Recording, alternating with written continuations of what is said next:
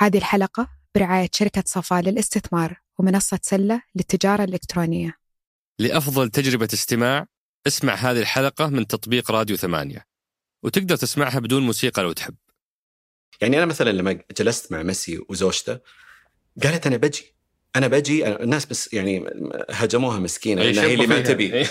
ترى هي أنا أعتقد ما أبغى أجزم أعتقد أنها بتجي هي وصديقاتها للسعودية للسياحة بدون زوجها وبدون عقد وبدون ما يدفع لهم ولا ريال معقولة؟ معقولتين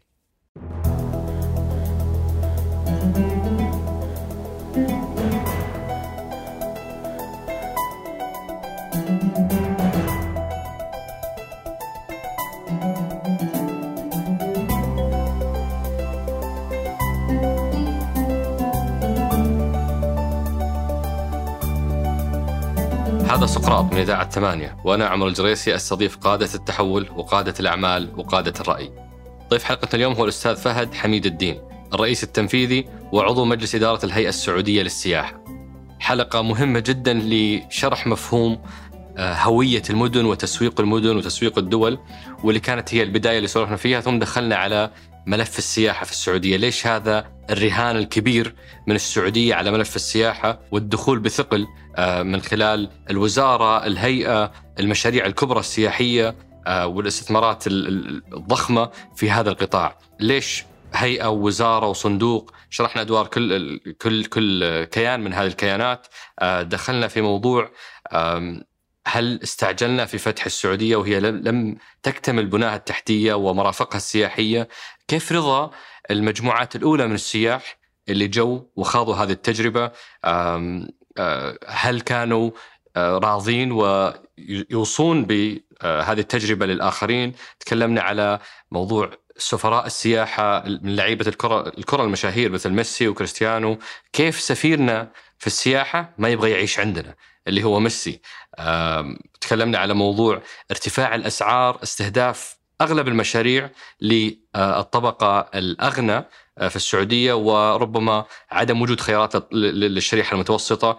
آم، وناقشنا بط- بطبيعة الحال كل التفاصيل الصغيرة حقت هل نقدر ننافس آه، الدول المجاورة اللي تقدم خيارات أرخص آه، وش مقومات النجاح اللي عندنا آه، إلى آخر هذه النقاط. أترككم مع الحوار. حياك الله أبو سارة شرفتنا ونورتنا. الله يحييك أبو يارا سعيد إني أكون معكم. الله يسعدك. أخيرا صارت أرجع شيك الواتساب أقول للناس من متى قاعد أحاول فيها ولا ما يحتاج؟ هذا السؤال الأول ولا من بدايتها كذا؟ الله يسلمك.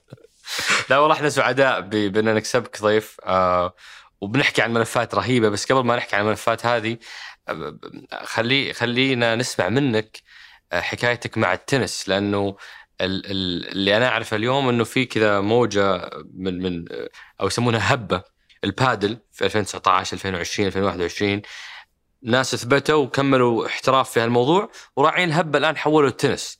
توهم بادين في التنس وأكاديميات تنس أنت ما شاء الله من الظاهر من سنين في الموضوع هذا. ووصلت لمرحلة احترافية. فوش اللي يطيحك في التنس؟ هم قالوا لي إنك أنت بتطلع معلومات أنا يعني ما أتوقعها. لا تخاف علي هذه عندي. مصادري عندي مصادري. واضح واضح. يا طويل العمر أنا ما كان لي في الكورة كثير. وكنت آه، كان وزني كبير. فكنت يعني شكلي دائري أكثر من هذا أتكلم عن عمري 12 13 لما ألعب كرة الكل يعلق. وكنت اتضايق فما عاد ألعب. فالتنس أنت اللي آخر ما واحد حد- يختارونه في إذا يسوون الفريق؟ أنت آخر واحد يختارونه صح؟ اللي يتورطون فيه. اللي ترطون فيه. اي بالضبط. التنس ما حد يشوفه. ولا حد يلعب تنس يعني أنا ذاك. فقلت هذه مساحة آه، بسيطة. إلين ما جاني مدرب برازيلي كان يكلم آخرين. يقول إيه بس فهد هي ويل نوت ران ما حيجري. أذكر وقتها قلت أنا لازم أنحف. إذا أبغى ألعب أي رياضة لازم أنحف. وفعلا آه، يعني نزلت عن وزني وقتها كنت في أي مدرسة؟ معهد العاصمة. معهد العاصمة. أنا طال عمرك آه، أنا ربيت هنا في الرياض. آه، درست في معهد العاصمة وبعدين درست في جامعة البترول. ما رحت مدارس حكومية أو إذا لا درست برا منتج محلي 100% ما رحت مدارس خاصة قصدك؟ لا مد... sorry ما إيه ما رحت. مدارس خاصة. آه... لا ولا درست برا. ف ترى في نظرية على فكرة يقولون آه، إذا قابلت أحد من البترول خلال 30 ثانية لازم يعلمك إنه درس في البترول. فما شاء الله عليك يعني أنت صمت معانا دقيقة ونص لين علمتنا إنك خريج البترول. لازم كلكم تقولون المعلومة هذه ها؟ يعني ما شاء الله عليهم صراحة. فخورين؟ والمراقبين أيوه المراقبين هذول اللي يقولون لك هالكلام. وش اللي وش اللي مضايقهم في الموضوع؟ فنرجع موضوع التنس. فأنت اخذتها كتحدي صحيح. إنك أنت تنح- تنحف. صحيح. وساعدتك تنحف؟ 27 كيلو طال عمرك. أوه. إي إي على, على ذاك العمر نتكلم إحنا على يعني يمكن نص وزنك فعلا. لو تشوف صوري وأنا عمري 14 سنة يمكن 13 ما تصدق إن هذا نفس الشخص. بس بعدين لا الحمد لله واحترفت ولعبت لمدة آه، يعني سنين. دخلت منتخب ال- المملكة في التنس وكان آه، تصنيفي الثالث أو ترتيبي الثالث ومثلت المملكة في بس بعدين خلاص اشتغلت ونسيت ورجعت زدت عشرة. لا لا لسه ما شاء الله. أمورك أمورك طيبة. الحمد لله. بس آه، آه، يعني الفترة هذه ما عاد ترجع تلعب تنس. خلاص هذيك علاقتك في التنس انتهت. يلا ألعب بادل شوي. آه بادل. إيه. لا هذه يعني حقة الدبوبة يسمونها اللي ما ما يحتاج حركة واجد. الله يسلمك. شكرا شكرا. أنا أنا أكثر واحد أكثر واحد. أنت ما شاء الله ألعب نحفان. هاللعبة هذه. صدق أنت نحفان. الله وحتى. من آخر لقاء ما شاء الله عليك. إلى. الاشواء الحمد لله. لا مبين. وبديت ألعب تنس. فيعني ها قاعدين نحاول آه، نبني المهارة هذه ونمشي مع الهبة ونشوف وين بيودون الناس. كل سنتين رياضة جديدة نحاول نتعلمها. okay. اي خلاص نلعب تنس إن شاء الله. فنلعب تنس. بس أنت تقول لي من زمان لا تفاجئني لا لا ما. عليك ما عليك ألعب. أوكي. إيه. آه، إحنا أبو أبو سارة مبسوطين إن نكسبك صراحة اليوم على موضوع هيئة آه، الهيئه السعودية للسياحة. ونبغى نفتح الملف ونفهم دوركم ونفهم إيش سويتوا. بس في ال... في ال... قبل التصوير سولفنا على موضوع هوية المدن وأسهبت فيه وأنت رجل يعني يعني ريادي وقيادي في موضوع التسويق بشكل عام. فحبيت المفهوم اللي أنت حكيت عنه في موضوع تسويق المدن. فبس استاذنك قبل ما ندخل في الهيئة ومواضيعها إنك تسولف لنا شوي على موضوع ليش مهم موضوع آه، هوية المدن وكيف هذه الهويات تؤثر في الفرص وتؤثر في اقتصاد المدن لما يصير عندها هوية واضحة. يمكن آه، ابتداء آه، يعني قبل ما نتكلم عن آه، الهوية آه، ال- أي مدينة تنمو باقتصاد بنمو اقتصادها. فايش محركات النمو لأي مدينة؟ عندك استثمارات، عدد سكاني وسوق، منتجات وخدمات اللي هي يعني آه، تنمي التبادل التجاري داخليا وخارجيا وفيه السياحه استقطاب الزوار اللي يأتوا وينفقوا في أي مدينة. فبالتالي أي مدينة عندها هوية المفروض أن الهوية تؤثر على خمس آم، خمس أنواع أو خمس خطابات موجهة لشرائح مختلفة. الخطاب الأول اللي هو انفست استثمر في المدينة. الخطاب الثاني اللي هو زور المدينة فيزت إحنا نقول روح روح السعودية. الخطاب الثالث ال- لاستقطاب كفاءات وكوادر للسكن ليف في المدينة. آه، وهنا جودة الحياة والفرص ال- التعليمية والتدريبية. والرابع يمكن التعلم learn أو grow. كثير آه، دول ما تروح عشان تعيش فيها بس تروح تتعلم تدرس وترجع. وأخيرا ال- ال export made إذا تقول في بلد صنع في مثلا جابان ولا اليابان ولا صنع في فرنسا مو بزي صنع في بعض الدول ال- ال- اللي غير معروفة مثلا. فكل ما كان عندك هوية آه، تخدم هالخطابات وتعزز قوتك في هالخطابات كل ما ساعدت في التنمية الاقتصادية على كل آه، مجال من هالمجالات. الآن بناء ال- الهويات طال عمرك في نظري وشكرا على اطرائك يعني قد لما قد لا أستحقه لكن آه، هناك هويات صنعت بقصد وهناك هويات صنعت بدون قصد. آه، مثلا في دراسة قريتها عن نيويورك. نيويورك يقول لك إنها أصبحت عندها هوية إنها ال financial capital في العالم أو في أمريكا كحد أدنى، يعني العاصمة المالية. المالية للعالم صحيح. بالضبط. تجي تشوف طب نيويورك مليانة هوملس ناس في الشوارع آه، مليانة جرائم آه، مليانة آه، وسخ بس ما تعرف بي معروفة بها. طب كيف تكونت هذه الصورة الذهنية؟ أو هذه الشخصية أو الهوية عن عن المدينة؟ قال لك تقول الدراسه إنه فيه فئة من سكان المدينة ما تتعدى هالفئة نسبتها من 5 إلى 8%. هي اللي تشكل هوية وشخصية المدينة. مين هذا الخمسة أو 8%؟ هم ثلاث شرائح. الشريحة الأولى والأهم هم رواد الأعمال والمحترفين. اثنين التعليم شريحة يعني القطاع الأكاديمي والثالث القطاع الإعلامي. وإذا هذول الثلاثة اتحدوا بتشوف تعظيم الأثر في بناء الهوية. خلينا نطبقها على نيويورك. طبقها على نيويورك، ال financial إحنا بنتكلم عن إنها عاصمة مالية. المقرات المقرات الرئيسية للبنوك كلها متمركزة، كل ال headquarters في نيويورك. شوف فهذول اللي هم المحترفين أو ال... بالضبط هذا الشريحة الأولى. أوكي. وهنا العلاقة الوظيفية بين الشركات دي وموظفيها بتدربهم فاستحدثت برامج تدريبية في جامعات كبرى مثل مثل ما صار في نيويورك. هذا القطاع الاكاديمي اللي هم الشريحة الثانية، صحيح. الشريحة الثالثة بلومبرج، أكبر مؤسسة إعلامية في القطاع المالي هي بلومبرج. مقرها الرئيسي في نيويورك. والثلاثه هذول يتحدوا يبنوا هذه الصورة الذهنية عن هذه المدينة. إحنا على سبيل المثال في الام في الظهران المنطقة الشرقية ترى تشكلت شخصية المنطقة الشرقية زمان بناء على أرامكو جامعة البترول. اللي هو القطاع الأكاديمي والجامعة وجريدة اليوم.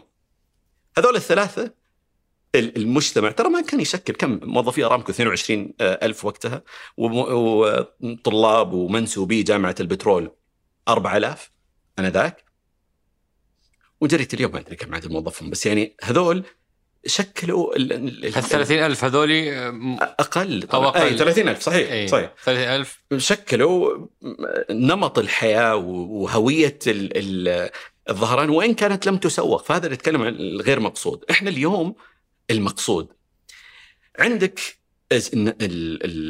التخطيط الاستراتيجي لتسويق المدن. آه آسف. وهنا سم. وهنا موضوع مرة ثانية حتى نموذج الظهران هو نموذج بالمصادفة زي نيويورك. صحيح غير مقصود. إنه في شركة ارامكو جت فجذبت جامعة البترول لأنها محتاجة مؤسسة أكاديمية تدرب المهنيين أو أو المهاريين أو المحترفين اللي تحتاجهم ارامكو وبعدين جريده اليوم تفاعلت مع هذا الوسط اللي مليان ناس من من توجه أو قطاع أو أو مجال معين وصارت تتشكل معه فتشكلت هوية الظهران بهذه الطريقة. اللي اليوم نقدر نقول إنه الظهران أكثرها يعني ترتيب تنظيم ترتيب تنظيم سواقة. جادين, جدا تنامون بدري. متى بالضبط متى ينامون. هذه هذه الهوية وهم نسبتهم الأقل بكثير يعني من من مئات الآلاف اللي في المنطقة الشرقية. الآن كيف إحنا نستفيد من هذا المفهوم؟ اولا بس بوضح إنه نيويورك ما عندها شخصية واحدة. زي financial capital، financial capital لي لشرائح المهتمة بال ويمكن هي الأشهر أو الصورة الذهنيه الأشهر. لا بس كمان هي كمان عاصمة الفنون والمسرح البرودواي لكن تجي تشوف أفضل مسارح في العالم في نيويورك والمحترفين هناك scenarios اللي يكتبون السيناريوهات اللي يصممون الملابس إلى آخره. جامعات ال Fashion Institute of Art هناك في نيويورك. الإعلام كل الإعلام الفني المتمركز بين عندك بين هوليوود وبين نيويورك ونيويورك يخدم هذا القطاع. ال awards الإعلامية في المسرح كلها في نيويورك مقرها فتكونت هذا ال ال تكونت هذه الهوية. الآن الشطارة بالنسبة لنا إن إحنا ناخذ هذا المفهوم ونطبقه على الهويات الموجودة أو الهويات اللي لسه بنصنعها لوجهات جديدة. بس مثلا نتكلم عن هوية موجودة نبغى نعززها ونبنيها. مدينة منورة. المدينة هذه مدينة النور ومدينة السكينة. خذ السكينة. السكينة ك ك ككونسبت أو كمفهوم المفروض أن إحنا نعززه في المدينة لأن يخدم كل زوار وقاصدي هذه هذه المدينة. كيف تطورها؟ على مستوى التشريع. إذا بتكلم عن السكينة من أبسط شيء امنع البواري إلى البناء الكود العمراني. الاختيار الألوان إنه لازم من كل يعني بقعة في المدينة تشوف المآذن. ترى الجوار يعني هذه المدينة بكل ما يعني لديها من تاريخ كيف ألفت بين المهاجرين وال انصار بالضبط. يعني مو بس آه، هذا فيها كثير مواقع. يعني ال- ال- الرسول الله صلى الله عليه وسلم عليه كان يمشي إلى مسجد قباء على رجوله دائما. هذا المسار اليوم آه، جادة قباء طوروها وأنسنوها ونبغى نحافظ على نفس ال ال ال التجربة اللي ممكن واحد يستحضر فيها سيرة الرسول اللهم صل وسلم عليه خاصة إنك أنت إلى جوار مرقده.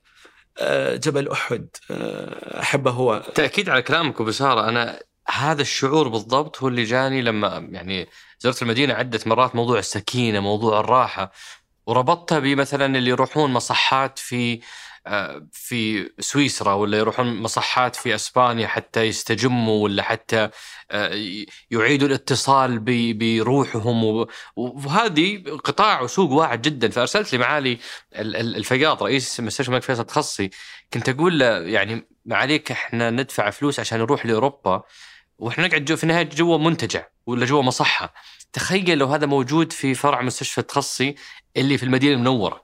أنت اوريدي روحانيا تتشافى بوجودك في المدينة المنورة. فما بالك لو أضفت لها الجزء الطبي والجزء ال- الإكلينيكي أو الجزء ال- العلاجي اللي ممكن يتوفر في منتجعات؟ فأنت هنا إذا إذا تشكلت هوية المدينة المنورة بهذه الطريقة أنت جذبت حتى المستثمر اللي يجي يبني مصحة آه، للاستجمام أو للاستشفاء في المدينة المنورة، آه، طلاب ال- الجامعة الإسلامية اللي قاعد يجون من أنحاء العالم بس حتى يكونوا جنب آه، آه، الحرم ال- ال- ال- ال- النبوي. آه، فيعني إحنا تماماً. عندنا هوية شبه مشكلة ودك تبني عليها وتعززها. وتبني عليها اقتصاديا في الاستثمارات في زي ما ذكرت المصحات مراكز الاستشفاء أو حتى في ال في اقتصاديا. أتكلم عن القطاع العقاري. كثير ناس آه، تبغى تم تتملك. صحيح. آه، والرؤية يعني أعلنت إنه سيدي آه، سمو ولي العهد. اعلن إنه حيكون في السماح للتملك للأجانب حتى في يعني آه، حتى في مكة والمدينة. طب خليني أسألك سؤال شوية. بس عفوا هذا أي. اقتصاديا حيمثل فرصة هائلة. مش بس لمن يزور ولكن من يكون عنده سكند هوم بيت ثاني يكون مقصد له ولأقاربه ول... وهذا حيعزز من عدد الزيارة والإنفاق في المدينة وهذا اقتصاديا. وكلها تبني على الهوية اللي هي السكينه. وهنا بعد نقدر نكمل ال- ال- ال- الأجزاء الخمسة أو الخطابات الخمسة اللي أنت قلت عنها. آه، تمام ميدن المدينة مثلا المدينة المنورة. تمر من العجوة. المدينة المنورة. أي. وش وزنها بالنسبة للعالم الإسلامي لما تقول هذه صادرات تمور من المدينة المنورة آه، من عجوة المدينة؟ آه، أنت تتكلم على قصة مختلفة. فيعني هنا عندنا فرص هائلة وأتمنى أنه فعلا نبدأ نشوف هويات المدن تتشكل. أعطيك يمكن آه، مثال يمكن عجوة المدينة الآن مصدرة لكن فكر في منتج جديد صنع في المدينة ما قد آه، أحد فكر فيه يمكن. أكيد يمكن في سبقوني ناس بس يعني ما قد طرح كصناعة. خلينا نستفيد يمكن نطلع بقرشين بعد الحلقة هذه ولا شيء. لا أستاذ جبل آه، أحد. مم. وجبل الرماة. جبل الرماة اليوم هي قصة غزوة أحد. الآن لما بالمقارنة مع روبن هود هذا اللي عنده ال- ال- القوس والرمح ينباع لما تروح في في بريطانيا في شيفيلد يقول لك 52% من مبيعات شيفيلد آه، رمح روبن هود. بالله لكل هالمسلمين اللي يأتون بالملايين. مو المفروض يشتروا آه، رماح من آه، من المدينة. كتذكار لهذا المكان التاريخي بالضبط. وهذا الرمح ممكن يكون بريالين بلاستيك جيبه للاطفال أو يكون آه، جلد وخشب ينباع ب 10000 وهذا اقتصاد هذا منتج واحد. بس عندك القصة وعندك الرواية والتاريخ والإرث اللي يخليه آه، يعني آه، منتج لازم تشتريه وانت هناك. كل هذه أمثلة لمدن تشكلت هويتها بالصدفة. أبي مثال لمدينة بالتخطيط آه، آه، هي شكلت هويتها كما تشاء وليس بالصدفة. أنا أعتقد اللي تقوم به المملكة في العلا مثال آه، مثال حي على. التخطيط آه، المقصود نتكلم عن آه، مدينة متحف مفتوح متحف تاريخي مفتوح تكلم عن الآن بيطرحوها أنه آه، يعني زيارتك آه، لل- للعلا رحلة عبر الزمن فعلا فعلا ياخذوك إلى آلاف آه، قبل آه، جيوب الديفندر القديمة الطيارات ال- المراوح هذه التاريخية ال- القطار آه، اللي يعني قيد الإنشاء والتلوث البصري مم. والتلوث السمعي وكله مقنن للحفاظ على هذه رحلة عبر الزمن داخل المنتجعات الظاهر ممنوع حتى الاسفلت آه، أنت تمام. تتكلم على تراب والاسفلت مرصوص. له لون من لون ال- تربة التربه بالضبط فبالتالي بنحاول على بنحاول نحافظ على هذا المفهوم إنه مفت آه، يعني متحف آه، تاريخي مفتوح ومرورك في العلا أو بقائك كأنها تجربة في رحلة عبر الزمن.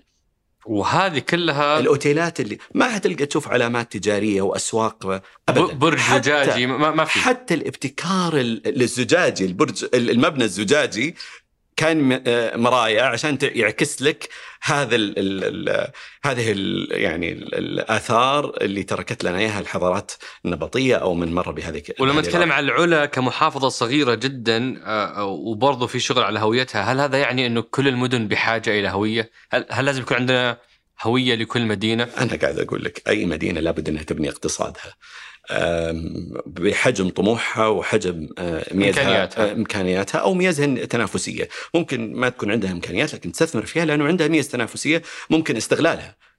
الآن سؤالك هل لازم يكون لها هويه؟ بقول لك هل تسوق ولا ما تسوق؟ كيف تبني منتج وما تسوق له؟ أكيد تسوق له. ولازم تبني هوية لأنه حيعطيك التعظيم الأكبر مما بنيته ووفرته للموجودين أو الزوار.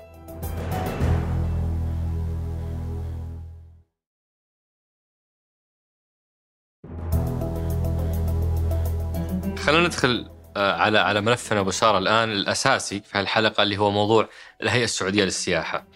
آه، ويمكن نبدأ أول شيء بأننا نقول ليش هذا الرهان ال- المضخم من وجهة نظر بعض الناس آه، من جانب السعودية في رهان مضخم على قطاع السياحة فإنشاء وزارة، إنشاء هيئة أربعة خمسة مشاريع سياحية عملاقة فيه يعني تسارع عجيب في هذا الملف البعض حتى يقول مبالغ فيه. يا أخي في قطاعات أهم روحوا للتصنيع روحوا للتعدين أولى وأهم أم، خلينا نبدأ من ليش هذا الاستثمار المضخم في قطاع السياحة؟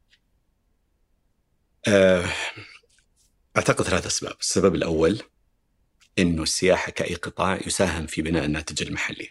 وتشوف كل الدول الناجحة سياحيا القطاع السياحي يساهم ب 10% معدل 10 10% طبعا في بعض الدول اللي مرتكزة على القطاع السياحي مثل مالديفز ولا سيشلز نسبة مساهمة القطاع السياحي في الناتج المحلي يصل إلى 70% لكن نتكلم عن ال- الدول ال G20 on average بمعد يعني معدلها آه، ال- ال- المساهمة تصل إلى 10% أو تتعدى 10% بشوي. فإحنا نبغى ال 10% كحد أدنى. إحنا كم؟ يوم يوم بدينا في ثلاثة. في ثلاثة. 2018 مم. فبالتالي عندك تنمية اقتصادية بعيدة عن عن النفط. والمساهمة حتكون ثلاث أضعاف كحد أدنى لما كنا عليه في 2018 السبب الثاني قد يكون هو الأهم. توفير الوظائف. اليوم كل القطاعات قاعدة تودع وظائفها للأتمتة. وتخسر وظائف للأتمتة. مجلس السفر أو السياحة العالمي يقول في العشر سنوات اللي مضت كل آه، السياحة ساهمت بوظيفة من كل خمس وظائف جديدة أو مستحدثه. وبعد 2025 السياحة حتساهم بواحد من كل أربع وظائف مستحدثه. فبالتالي الوظائف الجديدة اللي ح... اللي متوقعة من القطاعات قاعدة تنقص ومن السياحة قا... حتزيد. الآن الأهم مش بس العدد ولكن النوع. ترى البطالة مشكلتها مش مع الوظائف ال... الناس اللي عندهم شهادات جامعية وعندهم خبرات تخصصية. كل ما نزلت في في مستوى التأهيل كل ما وجدت إن البطالة تحدي أكبر. فعندك ال... ال... السياحة تتميز إنها توظف من ال- الخريجين الجامعات ال- والدراسات العليا إلى خريجين الجامعة شهادات حاملي شهادات ال- المهنية إلى الحرفيين وتعطيهم فرص تطوير من أدنى آه، آه، يعني من من أول السلم الوظيفي إلى اعلاه. وإحنا طبعا ما يعني ما يخفى عليك تحدي البطالة أكبر آه، أكبر تحدي اقتصادي واجتماعي لنا. فالسياحه مش بس زي زي أي قطاع يتميز بعدد الوظائف ونوع الوظائف اللي يوفرها، وأخيرا السياحة بتبني هوية المملكة، كل زائر يأتي إلى المملكة لأي غرض كان بيرجع يقول أنا صراحة متفاجئ بما لدى المملكة العربية السعودية. وهذا التفاجؤ آه، سمعة وهذه السمعة تزيد من الزوار وتزيد من الرغبة في التعاون والتبادل الثقافي التجاري ايا كان. ويمكن يخدمنا إحنا في موضوع السمعة إنه يعني الإعلام ما قصر 20 سنة وهو يشوه سمعتنا فإحنا بادين بنقطة توقعات مرة متدنية، أي أحد يجي السعودية قاعد يطلع بانطباع إيجابي مو بالضرورة لأنه كل شيء تمام بس لأنه هو جاي بتوقعات مرة متدنية نتيجة ال 20 سنة من اسمح لي أختلف معك. آه أوكي. إيه. تفضل. كثير يقولون اي الناس أصلا سمعتها سمعه المملكة سيئة فكانت آه، مو سيئة مشوهة سمعتها مشوهة من الإعلام. كانت في بعض الناس مشوهة بمساوئ في أذهان الناس لأنه الإعلام الغربي كل اللي كان يهمه حروب وما زال. شوف الإعلام. ينقل عن الدول حروب مظاهرات مشاكل يمكن صراع قوى سياسية. هذا اللي ينقل الإعلام بشكل عام. ما هي عمر الإعلام ما حينقل لك والله بنينا متاحف ولا وظفنا مدري كم ولا طورنا. يعني الإعلام ما يهتم بكل ما هو إيجابي.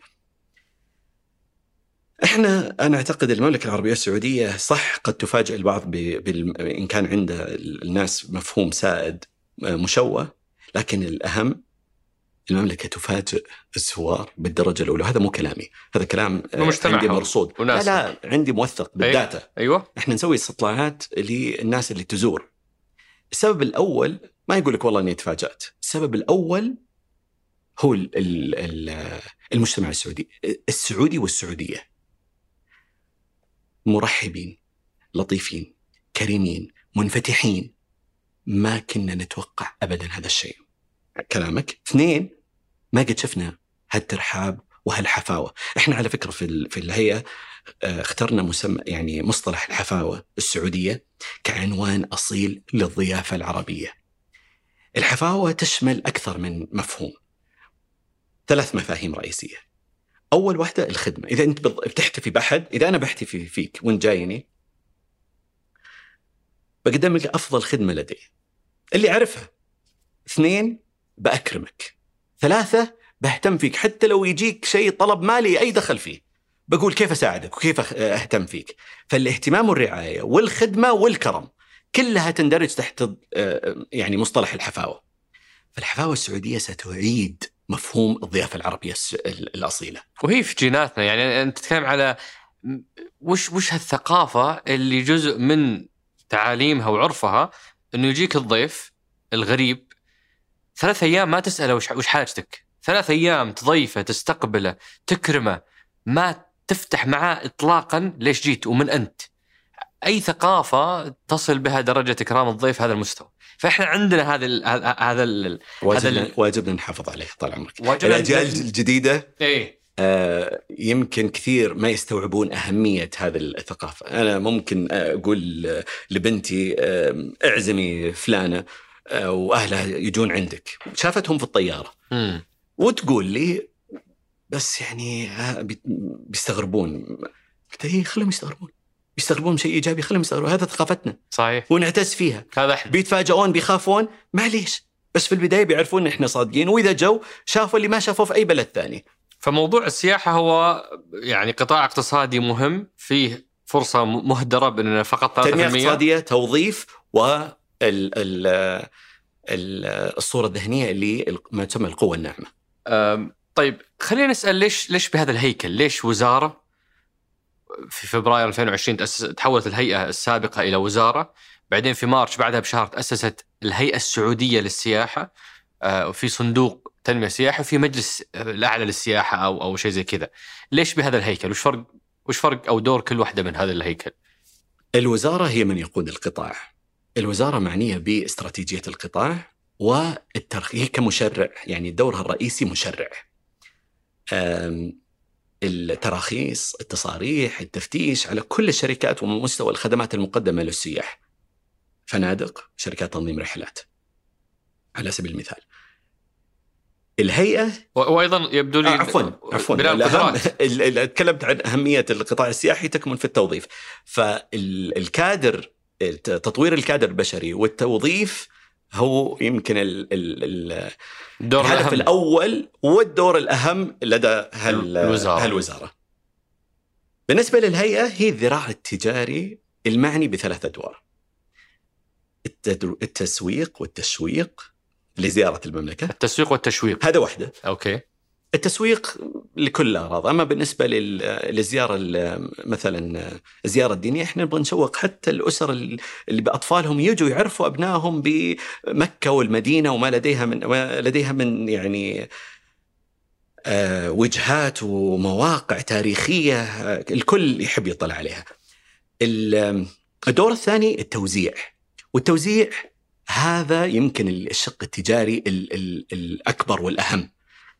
ما يمكن سائح يجي إلا إذا فيه شركة وكالة سفر وسياحة، إذا في شركة طيران، إذا في فنادق، اذا في شركة تنظيم، إذا في منصات إلكترونية اللي- للحجز وإلى آخره، إلى المرشد. فبالتالي هذا من يعمل مع القطاع التجاري هي الهيئة. الدور الثالث قياس تجربة الزائر وتطويرها. هذا دور الهيئه. الدور الثالث ذكرت أنت الصندوق، الصندوق يمول كل المستثمرين من الكبار إلى الصغار ورواد الأعمال في تطوير تجربة الزائر. إحنا نروح لل- للوزارة نقول لهم الت- التجربة يبغى لها تطوير في هذا هذا الجانب، مثلا التأشيرات. نروح لوزارة السياحة، وزارة السياحة تعمل مع نظرائها من وزارة الخارجية والداخلية لتطوير وتسهيل التأشيرات. نروح لصندوق نقول نبغى نستثمر في تطوير في التجارب ال- آه، الوطنية، تجارب آه، العيش في مثلا في السكن ال- ال- آه، تجارب محلية، إن كان أكل محلي أو حتى إقامة في بيوت ونزل ريفية ونزل صحراوية جبلية. فالصندوق يعمل على صناعة هذه التجارب مع القطاع الخاص. الثالث الجهاز الجهاز الرابع عفوا اللي هو مجلس التنمية السياحي. قبل ما أشرح لك مجلس التنمية السياحي وش دوره خليني أقول لك تجربة السائح. تبدأ طال عمرك يحجز آه، تأشيرة. تطلع له من مص- من منصة وزارة الخارجية. يركب طيارة اللي مرخصت له هيئة الطيران المدني. يوصل للمطار. الشركة الشركة يعني يتعامل مع الشركة وموظفي شركة أو مطوري أو. مشغلي المطارات. يختم جوازه عند الجوازات الداخلية. يركب أوبر ولا تاكسي عند هيئه النقل يروح للسوق عند وزارة التجارة يروح للمتحف عند وزارة الثقافة يروح يحضر حفل عند هيئة الترفيه ينام في الفندق عند وزارة السياحة. فهذه السلسلة مين بينظمها؟ مين بيتأكد إنها تعطي الأولويات اللي مهمة لل- للسائح إحنا نروح للوزارة والوزير هو رئيس مجلس التنمية السياحي وعندنا آه، آه، آه، كل الجهات التي تعنى بهذا القطاع اللي إحنا نسميه قطاع رحلة آه. الزائر أو رحلة السائح صحيح فهذول هو الاربعه قطاع أفقي وليس عمودي أوكي. و- وهذول منظومة السياحة طيب في وعفوا معليش بس تمام. يعني لما أقول قطاع أفقي يعني لن تحقق مستهدفات القطاع إذا ما. عالجت كل هذه الأشياء ترى لو واحد منها نقص حاصل التجربه التجربة كلها حت... لا ترى جودة وكما طبعا. ف إيه. 100% ه- هذه هذول أدوار الناس اللي آه، جيرانكم المنظومة. طيب في الحارة اللي جنبكم أو أو يعني أجهزة أخرى ما إحنا فاهمين كيف تتكامل معاكم اللي هي مثلا هيئات الثقافة، هيئة الترفيه، وزارة الرياضة، هذول أيضا آه، يقيمون فعاليات سياحية وأنشطة سياحية. بالضبط وش الفرق بينكم وبينهم ودوركم؟ ابدا. أنا أقول لك لما تكلمت عن الجهات في الرحلة ال... ال... ال... لما يوصل الزائر يدور محتوى. مين صناع المحتوى؟ هم اللي وزارة الرياضة في كل الفعاليات الرياضية من فورمولا إلى إلى مباريات إلى تنس حفلات مواقع ترفيهية آم، ومنظومة الثقافة صراحة يعني ال- اليوم اللي تقوم به آم، منظومة الثقافة جزء يعني رئيس إحنا مرتكزين عليه في في الترويج لل- للمملكة من مواقع أثرية من تنقيب إلى حفاظ على تراث ثقافي مادي وغير مادي إلى إنتاج آم، محتوى ثقافي يتفاعل مع الثقافات العالمية. ف... فكلهم مصدرين كلهم منتجي محتوى وإحنا دورنا إن إحنا نستفيد من هذا المحتوى ونسوقه للعالم كل أو كل بما يبحث عنه. فأنتم تجيبون الزبون ثم آم، هذه الهيئات المختلفة آه، تقدم تجارب مختلفة لهذا الزبون. صحيح. يمكن في أنت يعني أو نروح للجهات هذه ونقول لهم مثلا نبغى نستقطب صينيين فنتكلم الآن مع هيئة الترفيه على آه، يعني إنتاج محتوى جاذب. فالتعاون بيننا مو بس إحنا نجيب الناس بس نصنع محتوى يجذب الناس الشريحة اللي أنتم مهتمين صحيح. فيها. آه، يمكن أنت أبو التسويق فتعرف إنه آه، صعب تكون آه، الأفضل في كل شيء أو إنك تجي تنافس أحد مكوش على الملعب حقه. فإحنا دخلنا للسياحة مرة متأخرين. يعني إحنا نتكلم على عام 2019 فتحنا تأشيرة السياحة. والعالم واصل مراحل متقدمة في هالمجال. وش المقومات اللي تركز عليها السعودية للمنافسة عالميا؟ اليوم السائح عنده 196 ولا 100 و- ما نعرف كم دولة في في الكرة الأرضية كلهم يبغونه. إحنا جايين متأخر مرة. على إيش نراهن لإقناع هذا السائح إنه يجي عندنا؟ أم، ثلاث أم، مقو... يعني ثلاث أه، يمكن نقاط قوة. مساحات. أوكي. كل مساحة أثرى من الثانية. المساحة الأولى التنوع. طال عمرك ال- التنوع الثقافي اللي عندنا الجغرافي آه، نتكلم عن آه، أفضل آه، صحاري في العالم آه، تضاريس صحراوية في العالم عندنا. شوف كم من الناس اللي تبحث عن ال desert camps. إحنا بيت ال great Arabian dunes هذه ال ال خيام. ال- ال- no ال dunes آه، لا، لا، لا. التلال الذهبية. إيه. إحنا موطنها. وهذه ممكن في يوم تكون زي السفاري وزي ال ski في, في أوروبا أو السفاري في افريكا تعال التنوع الثقافي يتكلم عن الجبال. ال- ال- ال- جبال السروات ومنطقة عسير واليوم ما نقوم به بتطوير في الباحة ولا الطايف ولا قمم السودة. هذه استغلال التضاريس وما تقدمه هذه التضاريس من أجواء باردة في منطقة يعني تلتهب في الصيف. فإحنا نتميز آه، في فترة الصيف بهذا. بعدين عندك البحر البحر الأحمر. وين تلقى شاطئ يمتد لأكثر من 1700 كيلو متر بشعب آه، بأندر الشعب المرجانية ويعني آه، حياة فطرية بحرية لا يمكن أن تجدها في أي مكان. ولذا National Geographic بتقول إن عندك مناطق غوص الأفضل في العالم. فهذا تنوع جغرافي، التنوع الثقافي في كل منطقة جغرافية يعني آه، شغ- جغرافية وتضاريس مختلفة تتشكل الثقافة، وحتلقى من أكل إلى لبس إلى إلى موروث. إلى فولكلور بالضبط. السائح اليوم يبحث عن عن ما هو جديد وإحنا أفضل يعني منطقة إح- حافظنا عليها واليوم نفتحها للعالم. بعدين الأمر الثاني ال- أرض الجزيرة العربية. إحنا الآن بن بن بنقدم ال- ال- السعودية ك land of Arabia. هذه أرض ال- الجزيرة العربية. هذه الأرض مي زي أي أرض. هذه أرض يعني آه، أرض حضارات آه، أنبياء كل حضارة تركت لنا إرث مادي وغير مادي اليوم لما تشوف منظومة الثقافيه أقول لك آه، يعني فيه بعثات أكثر من 27 بعثة اللي هم يسوون بحث وتنقيب نحتاج إحنا ندور هالشواهد المادية.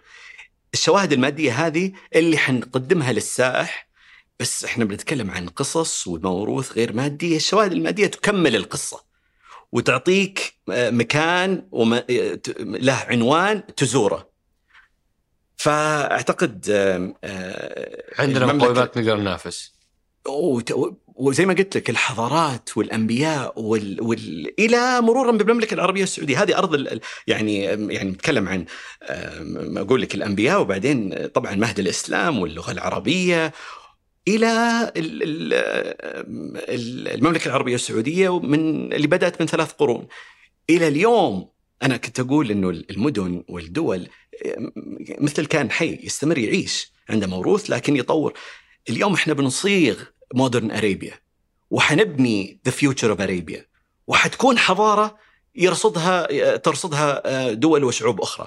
ف فعندنا آه، الكثير من ما تركت له تركته لنا هذه الحضارات نقدمه. ثلاثة قاعدين نبني وجهات استفادت من كل أخطاء الوجهات العالمية الأخرى. اليوم آه، أنا ما أتكلم بس عن يعني الغير يعني الغير مسبوق مثل مثل آه، نيوم في فكر وتخطيط وإمكانات حتى في العلا حتى في عسير حتى في أخطاء كثير شفناها في دول سبقتنا.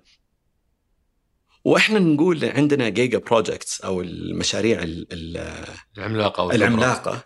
ترى هذه مسؤوليات عملاقة. لأن إحنا حنبني مستفيدين من أخطاء الغير. والحمد لله القيادة يعني ملتزمة أنه لن نضحي بالبيئة، لن نضحي بالطبيعة، لن نضحي وبالعكس وسنأتي ونطور وجهات ونعيدها إلى ما كانت كيف ما كانت في عقود وقرون قرون مضت. يعني اليوم المحميات أكبر دليل في كيف إحنا بنعيد الريوايلدنج إعادة ماني متأكد من الترجمة الحياة اعاده الحياة الفطريه بالضبط نعم. وانت بتشوف كم بنينا في بدينا في في العلا والملتزمين بأكثر من 21 آه، كائن حي حنعيد آه، يعني بناء الحياة الفطرية لهم واستقطابهم إلى الأرض اللي بدأ اللي كانوا فيها قبل مئات وقرون السنين.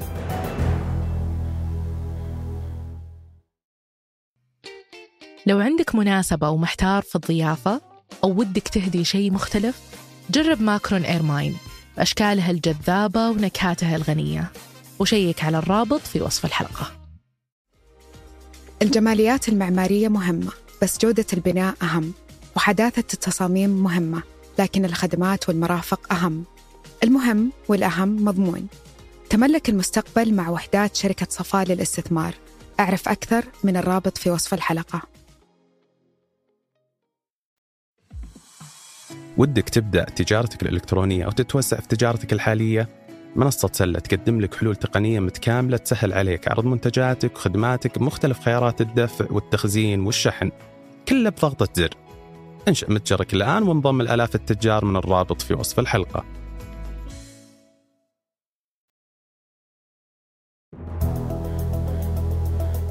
الآن إحنا فهمنا آه، ليش مهم موضوع السياحة وش ال... وعندنا مقومات. وعندنا مقومات والهيكل حقنا. تعال شوية ندخل. بس عفوا أبغى أي أقول رغم إن هذه المقومات الثلاثة شوف هذه الثلاثة زي إذا بقول زي الثلاث طبقات اللي يربطها الثلاثة كلها هو الإنسان السعودي. الحفاوة تحديدا. الحفاوة السعودية. لابد أن يعني نعززها ونحافظ عليها ون ون ون ونستمر في إحيائها وتكريم أفضل يعني أفضل الأمثلة لمن يحييها. 100% وهذه يمكن أتوقع يجي دور هنا الأفلام ويجي دور والجوائز السينما وال... ورواة القصص بأشكالها المختلفة في كتب في أفلام في مسلسلات. الكرم الأصيل الكرم السعودي اللي اللي عبر التاريخ آه، كرم إنسان الجزيرة العربية هذا إلى الآن لم يعطى حقه آه، وفي قصص مذهلة يعني أنا أتذكر قبل قبل شهرين آه، كنت في حايل وحايل من المناطق السعودية اللي اشتهرت بالكرم تاريخيا وحتى صحيح. في الوقت المعاصر وهم موطن حاتم الطائي صحيح. رمز الكرم العربي فيسولف لي صديقي نادر الشمري عن عن الفخذ اللي هو ينتمي له وكيف إنه آه، آه، يعني آه، كانوا مجموعة وطالعين مع بعض وراح أحد منهم يبحث عن الماء انقطعوا فترة معينة فانتصف في الطريق ورجع ما كمل وصول الماء للموية. قال أخاف أوصل وأشرب وأرجع والقاكم متوا يقولون ترك أخوياه. فأنا لا يمكن أشرب إلا وحنا سوا. فرجع الربعة فيعني في شواهد وقصص تقدر تطلع منها أنت وترويها. وهذه هي وسيلة تعزيز هذه القيم.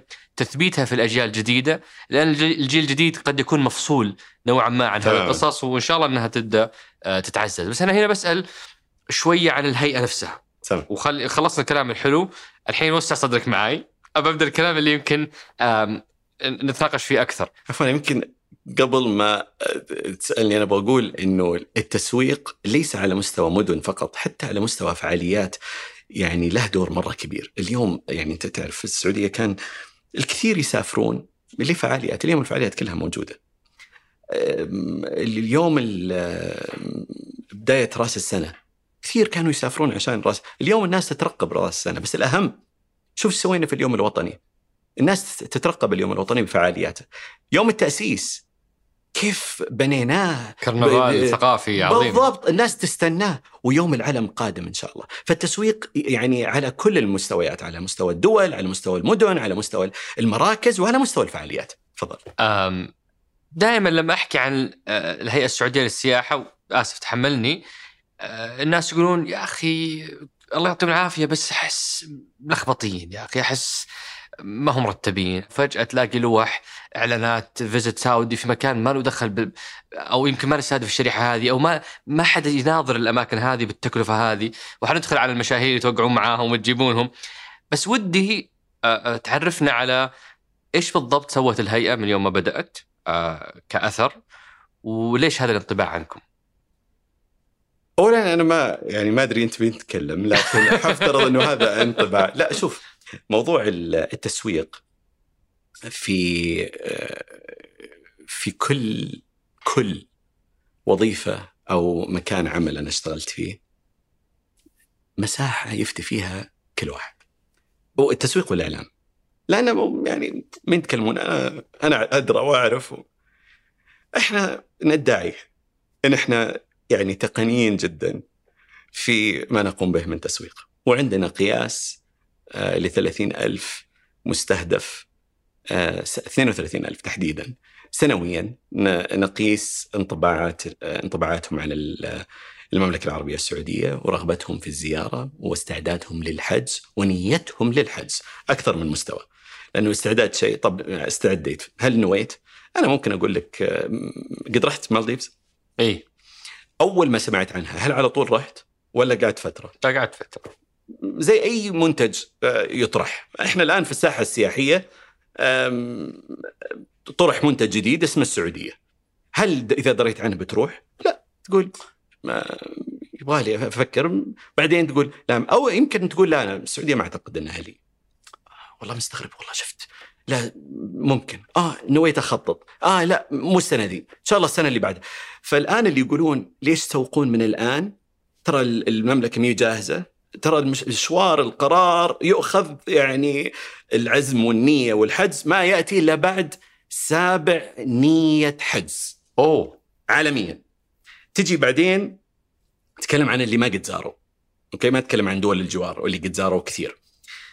اثنين الناس تقول يا أخي ليش تعلن في في هالوقت؟ مين بيجيك في هالوقت؟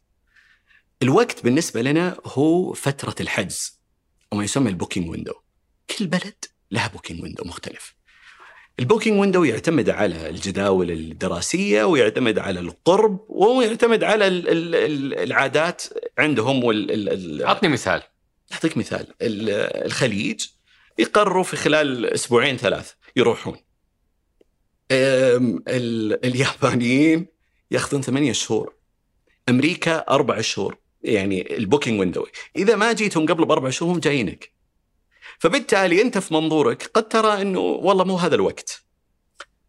so أول تكلمت عن الإنفاق الثانية الوقت الثالث is المحتوى هل هذا هو المحتوى so إحنا نسوي test ناخذ جروبات 130 شخص ونعرض عليهم صور ونقول لهم وش شفتوا؟ إيش عجبكم؟ هل يحفزكم ولا لا؟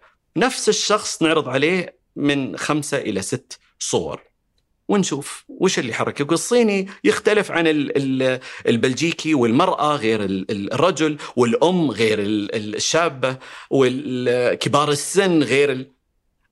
عشان كذا لما تشوف ال- الإعلان ينقص ويتقطع. يعني لما نصور إعلان نصنع يعني نط- نطلع 52 نسخة. فيرجن نسخة. مم. 10 ثواني ست ثواني طبعا حسب القناة وحسب المستهدف وحسب ال ال ال ال التاريخ بس آه، فأنا أقصد مو الكل آه، يدرك آه، ل وأنت إيش قلت؟ قلت إنفاق، قلت توقيت يمكن، قلت محتوى و وقلنا بشكل عام إنه الناس تشوف كأنه فيه عدم ترتيب في شغل الهيئة بشكل عام. ما أدري كيف وصل لهم هذا الانطباع. هل لأنه مثلا تنشافون outdoor بعدين تنشافون في معارض بعدين تنشافون جايبين لاعب. outdoor إيه. إي يعني آه، لو لو تشرح لنا. باختصار ترى إيه. باختصار. إيه. إحنا لابد إن إحنا نكون في كل مكان. هم الشخص متعود عكوز بكوز. إنه أنت هيئة خلاص وريني شغلك وأقعد فيه. إي. أنا سمعة بلد. أنا ما قول لي وين أطلع باسم الهيئة السعودية؟ أنا ما أطلع باسم الهيئة السعودية للسياحة. أنا أطلع باسم روح السعودية أو فيزيت سعودي وبالتالي هذا شعار ال- ال- ال- المملكة اللي نسوق فيه كل من يقوم بكل آه، آه، يعني وينتج كل محتوى أو يبني كل وجهة أو يتعاقد مع أي لاعب. ترى على فكرة مو إحنا اللي نتعاقد مع اللعيبة حنجي هذه حنجي لا لا أصبر هذه هذه لا بس يعني لا عشان- تمرها لي كذا عشان أقول لك بس هذه بنقعد ناخذ إيه. راحتنا فيها لا فانا أقصد لما اللي يشوف يمكن هذا ال- كمان ال ال الانطباع يأتي من عدم استيعاب إنه هذا الهيئة وش دخلها في ذا وش دخلها أي. في ذا وش دخل لا بالعكس الهيئة لابد أنها تقتنص كل ما هو جديد من محتوى ومنتج ووجهة وتجربة للترويج عنها لاستقطاب السياح. طيب وش سويتوا؟ وش حققتوا من يوم ما بديتوا إلى اليوم؟ جميل. طبعا إحنا لما في بدينا بال أطلقنا الاستراتيجية أعلنا عن مستهدف 100 مليون زائر أو زيارة بنهاية 2030. ما زال ترى البعض ما هو آه، ما هو واضح له إيش معنى زيارة؟ زيارة آه، يعني المبيت ليلة واحدة في المملكة العربية السعودية أو في أي مدينة يسافر لها. إذا الهدف. كانت إذا كان بس عشان مبيت عفوا تفضل ال 100 مليون نتكلم 100 مليون زيارة من الداخل والخارج ولا بس الخارج؟ من الداخل والخارج من الداخل والخارج ويوم اعلنا كم كنا واصلين؟ 54 54 مليون صحيح فأنت كنت تبغى تدبل الرقم خلال 10 سنوات نعم. تمام أسلم طبعا علما إنه إحنا كنا بادين نتكلم عن أغراض الزيارة كلها الزيارات الزيارات الدينية آه، زيارات الأعمال زيارات الأهل والأصدقاء وزيارات ال- اللي نعرفها السياحية اللي هي زيارة المتعة إن كان استجمام ولا ثقافة ولا رياضة ولا ايا كان. فمن 2018 آه، حطينا مستهدفات لكل أنواع الزيارة وزيارة محلية داخلية وزيارة خارجية. بالنسبة لنا الزيارة الداخلية كانت أحد أهم نقاط التركيز. لأنه من المفروض أول ناس نبدأ فيهم لأكثر من سبب، السبب ما الأول. اقنعته هو أنت مقنع اللي برا يعني إذا ما اقنعته اللي هنا عندك. بالضبط. هم تماما. وخاصة خاصة إن ال... وهذا السبب الثاني إنه السائح السعودي الأعلى انفاقا في العالم. ثلاثة السائح السعودي حيقنع المستثمر السعودي إنه يستثمر لأنه فيه طلب محلي. لما تقفل الأبواب مثل ما صار في ال- في الجائحة أو لاي شأن أمني سياسي ايا كان الاقتصاد هذا آه، سيقاوم بما لديه من آه، سياحة داخلية، وإذا كان المستثمر المحلي استثمر حيجيك المستثمر الأجنبي يقول أنا بدخل آه، أشارك وابني على ما لديك. فالسياحة الداخلية يمكن كانت أكبر هدف لنا أو أول هدف لنا والكثير كان يتحدى يقول إنه أول ما يفتح ال- تفتح الأبواب بعد الجائحة الناس كلها بتهج وبتسافر. صحيح. في 2018 الجائحة 2020 2021 فتحت الدنيا كيف الأمور؟ اليوم السائح في 22 أقدر أقول لك في 22. 22 السائح المحلي وصل إلى 77 77 مليون زيارة. الزيادة آه، سنوية باضطراد. آه، وأعتقد إن هذا بيخلينا يعني نعيد النظر في في ال target ال- أصلا صراحة ال target ما هو بطموح يعني إذا إحنا في قبل التأشيرة وقبل المشاريع الكبرى وقبل العلا وقبل الدنيا هذه 54 معقولة هدفنا في 12 سنة بس ندبل هالرقم؟ ما هو بهذا العشم في أهداف السعودية. عادة الأهداف الناس يقولون أصلا أهداف مبالغ فيها ولا أهداف أفلاطونية. كذا دائما توسم أهداف السعودية. فغريب إنه هدفكم شلون مررتوا الهدف البسيط هذا؟ لا أنت ما ابدا ما هو بسيط. لأن المعيار الحقيقي ليس آه، بالعدد هو الأثر للعدد. والأثر يأتي من العدد ومعدل الإنفاق. فالحقيقة النجاح الحقيقي انك انت يعني تأتي بدبل لكن نوع هذا الدبل وتشكيلة يعني تشكيلة هذه ال- ال- الفئات اللي أنت تستقطبها هي اللي حتدفع وتنفق في بلدك أكبر بكثير من ال 50 ال- الأولى. طب فكك لنا هالرقم أبو أبو سارة وقل لنا آه، آه، بالضبط وش كان دوركم فيه؟ لأنه في ناس يقولون أغلب هذا الرقم جاي من آه، المعتمرين واللي هم الله يخليهم لنا موجودين من زمان قبل ما أنتم تجون وقبل ما تسوون أي شيء، فوش دوركم أنتم في ال 54 اللي صارت 93 مليون؟ آه، اولا شكرا على هذا السؤال فعلا هذا السؤال آه، يجيني في المجالس ويجيني من الكل. آه، طال عمرك إحنا لما تكلمنا عن ال 100 مليون زيارة كنا نتكلم عن كل الزيارات لكافة الأغراض من الداخل ومن الخارج. كان كنا زي ما ذكرت أنت كنا 54 مليون زيارة. الزيارة تعرف بأن الإنسان يسافر إلى مدينة ويبيت فيها لو ليلة واحدة. هذه تعد زيارة. بالنسبة لنا الأغراض تشمل كافة الأغراض الأربعة إن كانت سياحة اللي هي تسألني عنها مثلا السياحة السياحة يعني المتعة استجمام رياضة ثقافة بحر أيا كان.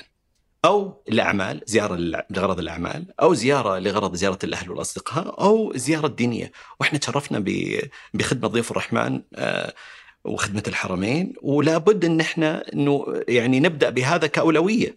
إن إحنا نرفع هذا العدد ولا الرؤية نصت على مستهدف إنه نرفع عدد الزيار الزوار المعتمرين ما أتكلم عن الحج المعتمرين إلى آه، 30 مليون زائر بنهاية آه، 2030 الآن المعتمرين إيش دورنا فيما؟ إحنا بالنسبة للهيئة عندنا ثلاث أدوار رئيسية.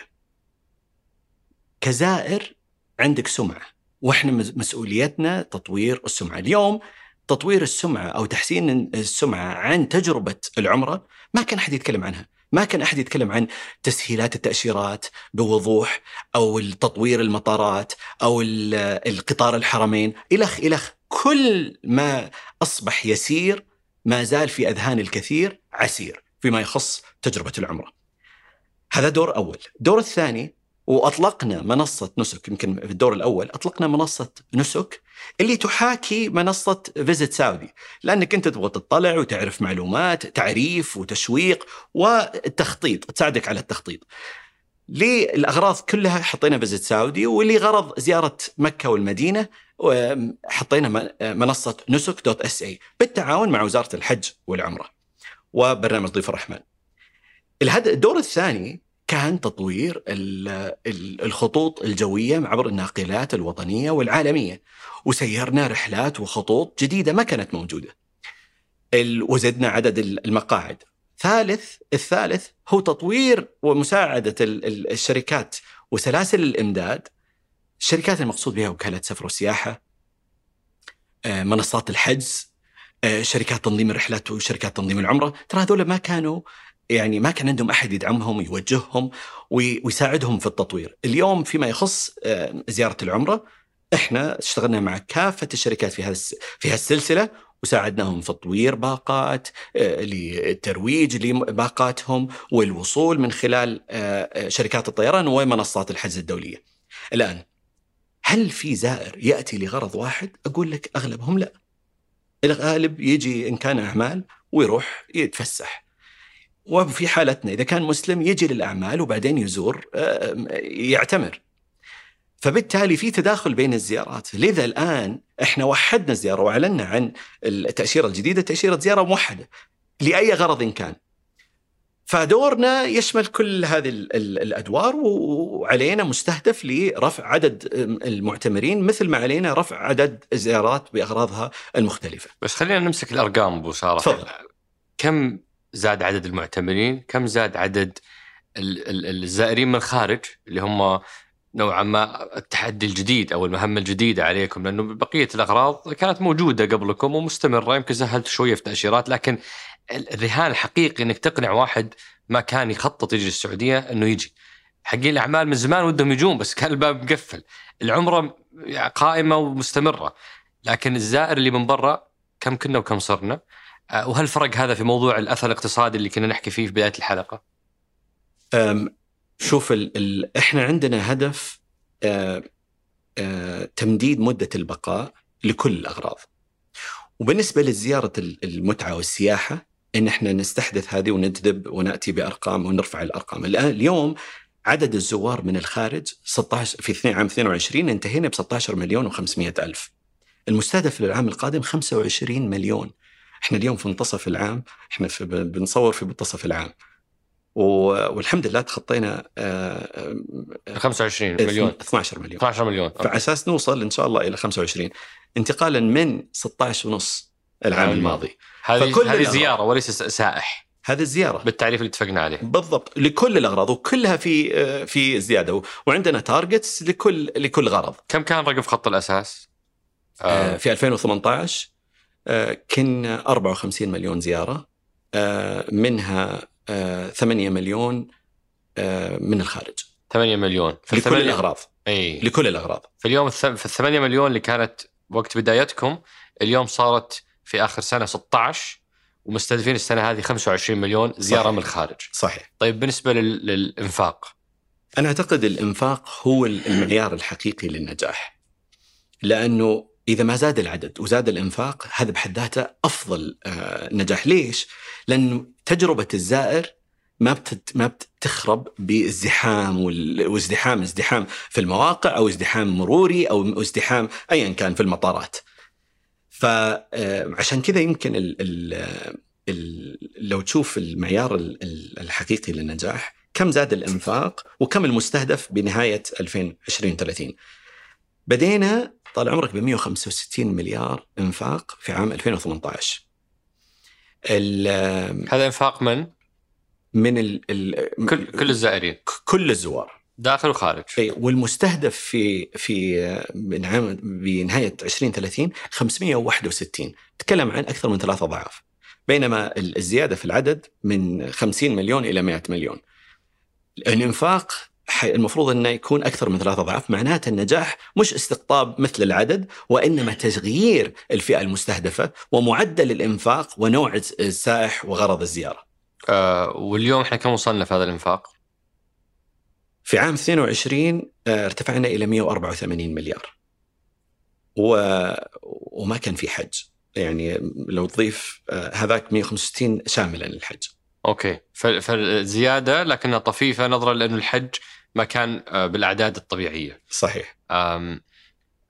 يعني لما نقول هدف 100 مليون وانت اليوم واصل 93 مليون زيارة آه، قبل ما تفتح المشاريع الكبرى وقبل ما يستأنف قطاع السياحة طاقته الكاملة بعد الجائحة غريبة شلون مررتوا الهدف الغير طموح هذا. إحنا متعودين أهداف الرؤية طموحة جدا اقرب إلى الخيال أقرب إلى صعوبة التحقيق. أه، يسمونها أهداف أفلاطونية من كثر ما هي صعبة. شلون أنتم مررتوا هدف بس إنكم تضاعفون مرة واحدة في عشر سنوات؟ غريبة هذه. اولا إحنا العدد كان كبير لأنه عندك عمرة وعندك أعمال مثل ما ذكرت والمملكه يعني فيها أهل وأصدقاء وزيارة أهل وأصدقاء مرتفعة. فالخط الأساس اللي بدينا فيه نوعا ما مرتفع وال100 مليون بيحطنا من مصاف أفضل خمس دول في العالم. فقد لا يكون افلاطوني في نظرك لكن كون ان إحنا نكون من مصاف أفضل خمس دول في العالم هذا بحد ذاته معيار. يعني الأمور تقاس بالتقييم وبالقياس.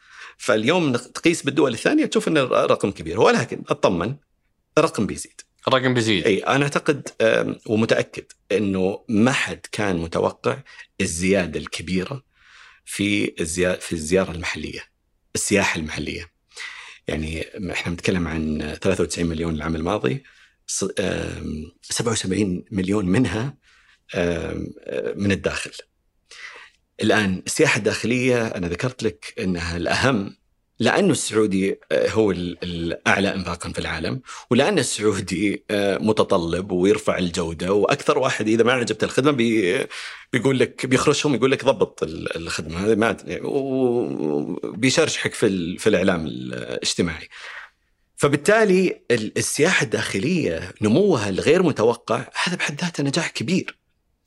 آه، لأن لسببين، واحد في إنفاق محلي والناس تقول إن ال ال ال يعني الداخل أهم من آه، إعادة تدوير آه، الإنفاق أو الاقتصاد الداخلي، هذا ترى ما كان إعادة تدوير، هذا كان بيطلع برا. فإحنا الآن حافظنا عليه وشجعنا القطاع الخاص للاستثمار. إحنا نتكلم على موضوع جهودكم بشكل عام قفلنا سالفة الأرقام وش حققتوا في زيادة الزوار. أبغاك الحين تنتقل لي للجزء الثاني أو الملف الثاني اللي هو وش سويتوا في موضوع القطاع وتمكين الشركات والتوزيع هذا الطلب اللي قاعد قاعدين تجيبونه آه، وش كان الأثر على شركات القطاع على الجهات العاملة في القطاع؟ يمكن أنت سألتني عن مشاركاتنا والمعارض الدولية. إيه أول معرض دولي رحنا فيه آه، كان ال Arabian Travel Market ال ATM رحنا مع معنا 19 شركة والشركات هذه أو جهة من وجهات أو شركات تنظيم رحلات. بعد سنتين ونص رحنا في ال ITB في برلين. كان معنا 70 شركة بس الأهم إن إحنا مكنا هالشركات إنها توقع عقود لأنه كل وكالات السفر العالمية تروح لهذه المعارض الدولية عشان تشوف وش عندك غرف وش عندك تجارب وش عندك آه، مقاعد على طيران. فلما نروح المعارض الدولية ناخذ خطوط الطيران وناخذ الفنادق وناخذ الشركات تنظيم الرحلات. نقدم كل ما لدى المملكة من آه، أو آه، يعني لدينا في المملكة من منتجات سياحية توفر كامل التجربة. ويجي الوكيل الخارجي يجي يشتري ويحجز. شركات تنظيم الرحلات لا كان عندهم آه، منصات إلكترونية. الفنادق ما كان عندهم مدراء مبيعات. ترى مدراء المبيعات في في الفنادق عندنا كلها مدراء مبيعات للبانكوت قاعات أفراح وكذا. تعال وريني تسعيرة الغرف حقك اللي بعد ست شهور بعد سنة إلى ثمانية إلى 18 شهر اللي يطلبوه الشركات. ما عندهم. خطوط الطيران ما كانوا كلهم يشاركون معنا. وإذا راحوا يشاركوا يشاركوا بمعرض كبير جميل يتكلموا عن الكراسي. بس طبعا وين الخطوط؟ وين ال... فاليوم أنت تشوف ال... ال... الانتفاضة في القطاع والنمو الهائل في الشركات والمشاركة انعكست في كم من العقود اللي قاعد يتوقع في كل هذه المعارض؟ والحمد لله الحمد لله. المملكة في كل معرض بتحقق إنجاز أفضل آه، من يعني من اللي قبله. آخر واحد كان في برلين. يعني كنا نطلب بعض الاجتماعات في السنوات اللي راحت وما نقدر نحصل على ال يعني لقاء المسؤولين الكبار إن كانوا رؤساء مجالس خطوط أو رؤساء مجالس شركات سفر وإعلان. بدون ذكر أسماء أقدر أقول لك في برلين آه، اعتذرت من كثير من بعض الشركاء اللي جو في آخر لحظة وبعض ورئيس مجلس إدارة واحدة الخطوط جاني للمعرض يقول أدري إنك مشغول لو أقابلك بس خمس دقائق. فالحمد لله آه، في هذه الرحلة البسيطة في في تعاملنا مع الشركات عالميا أقدر أقول لك إنهم انتقلوا من ناس كانت تمر وتطنش وتمشي ونحاول وندعوهم وما يجتمعون معنا إلى تمر وتراقب وش قاعدة تسوي السعودية إلى اليوم تجي وتنتظر وتعمل معنا.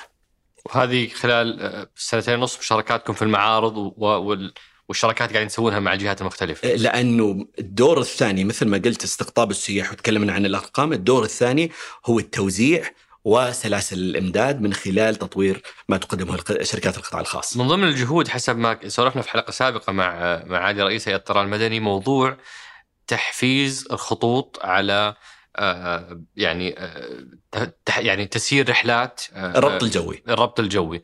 هذا أيضا كان لكم جهود فيها لو تسولف لنا عنها. إيه الهيئة طال عمرك هي اللي مطلوب منها تحدد الوجهات أو المدن المفروض الربط الجوي يركز عليها ويبدأ فيها. الهيئة عندها دراسات تقدمها لبرنامج الربط الجوي بناء على معدل الطلب من هذه المدينة ونسبة استعداد الناس. أنا كنت أقول لك أنه إحنا نقيس سنويا 32 ألف شخص في مدن مختلفة 27 مدينة. ونتابع كل ست شهور.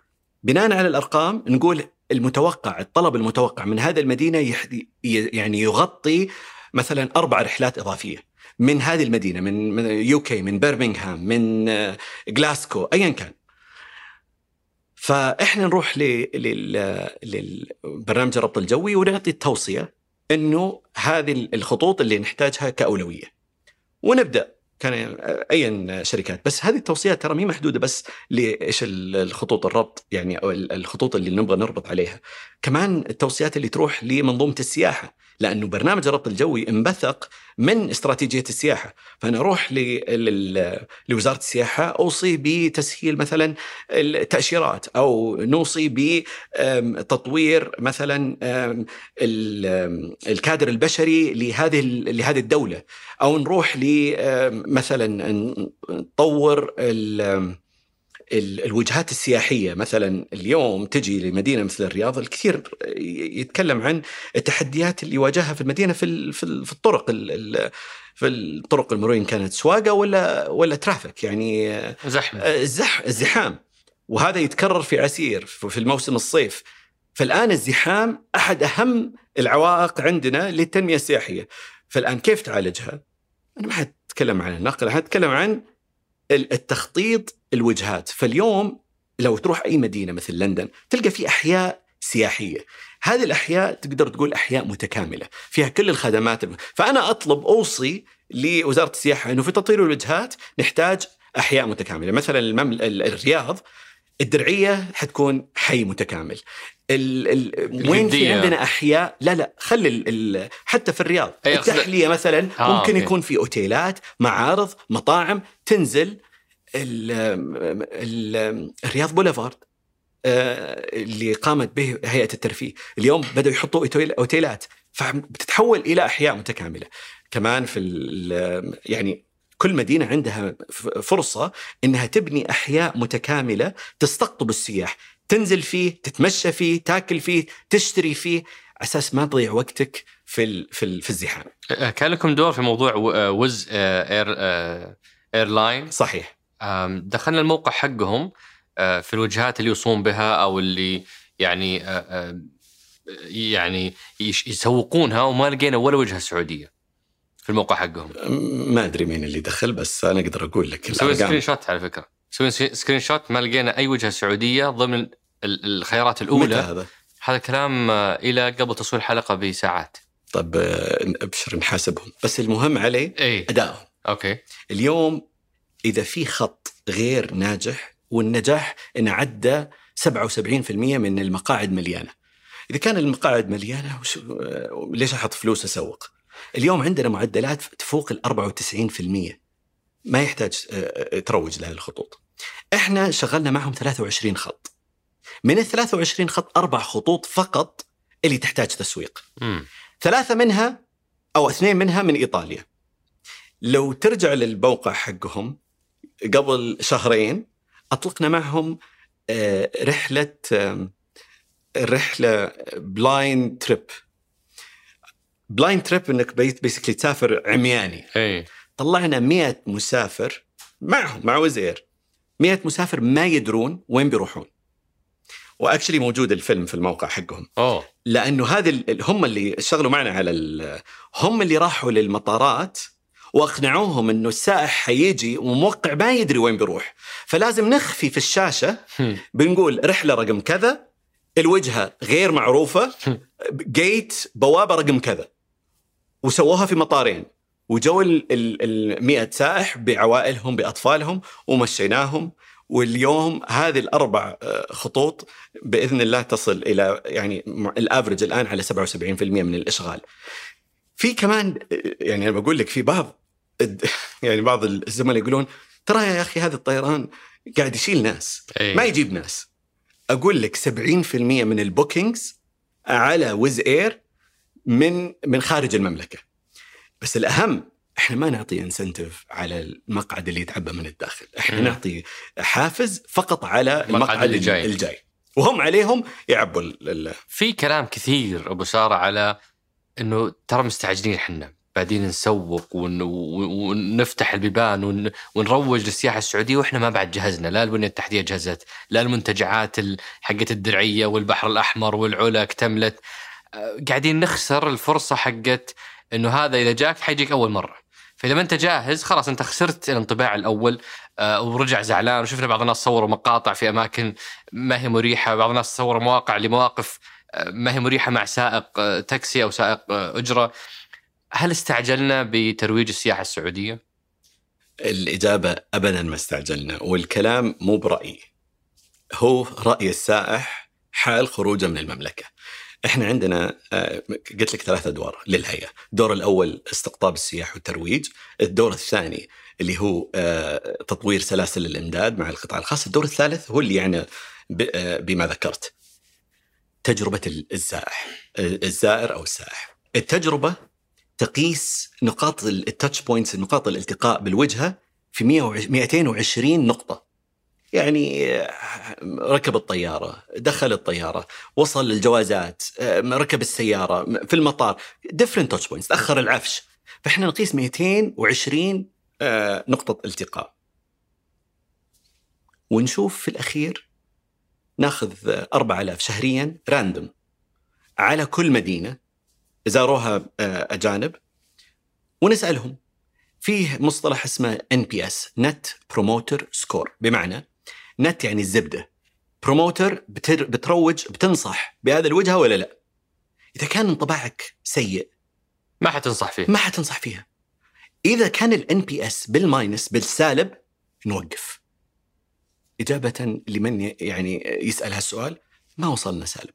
وصلنا في فترة الصيف. كنا نروج لإحدى المدن وكانت النتيجة س- آه، بالسالب وقفت وكان فيه يعني آه، يعني مقاومة مقاومة خاصة يعني المنطقة وأهلها وتجارها كانوا يقولون يعني وصلت إلى المسؤولين في في المنطقة إنه كيف تشيلونا من ال- وش المنطقة هذه؟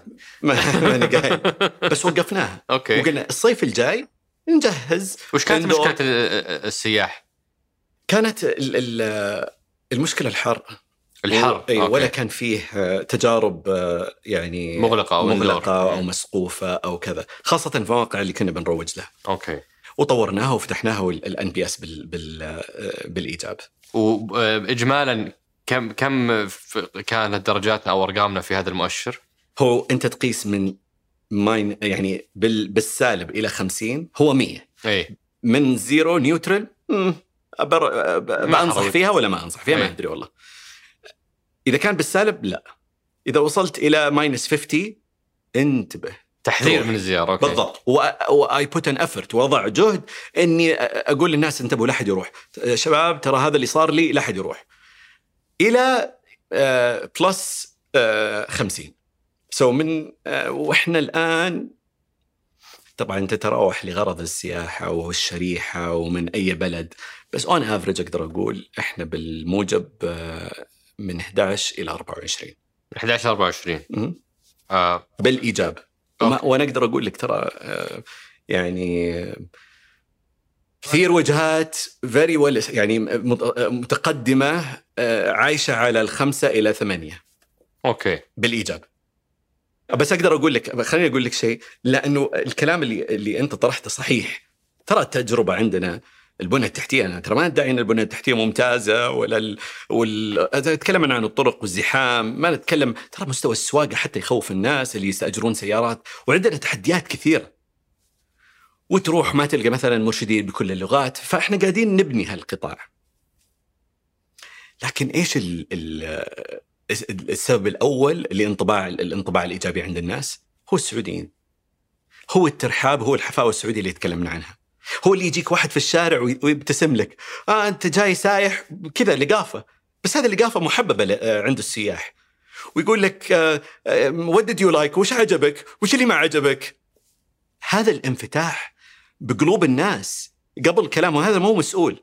ترى إذا واحد خدمك في المطار قلت والله محترف بس ما حتتاثر لكن لما يجيك واحد في الشارع ويوقفك هذا اللي فعلا بيأثرك. وأقدر أقول لك قصص كثيرة شركات رؤساء شركات يعني دعيناهم آه، يزوروا المملكة سياحية. في بعضهم أذكر واحدة من آه، رؤساء الشركات أمريكية. تعنى بال- بالشريحة يمكن ذوات الدخل المرتفع مقرها نيويورك. رفضت إنها تقابلني. أول طلب. وبعدين شافتني التقيت فيها بمعرض وسمعتني أتكلم. وبعدين زارت معرض لزملائي كانوا مشاركين فيه في أمريكا. المهم قررت تجي.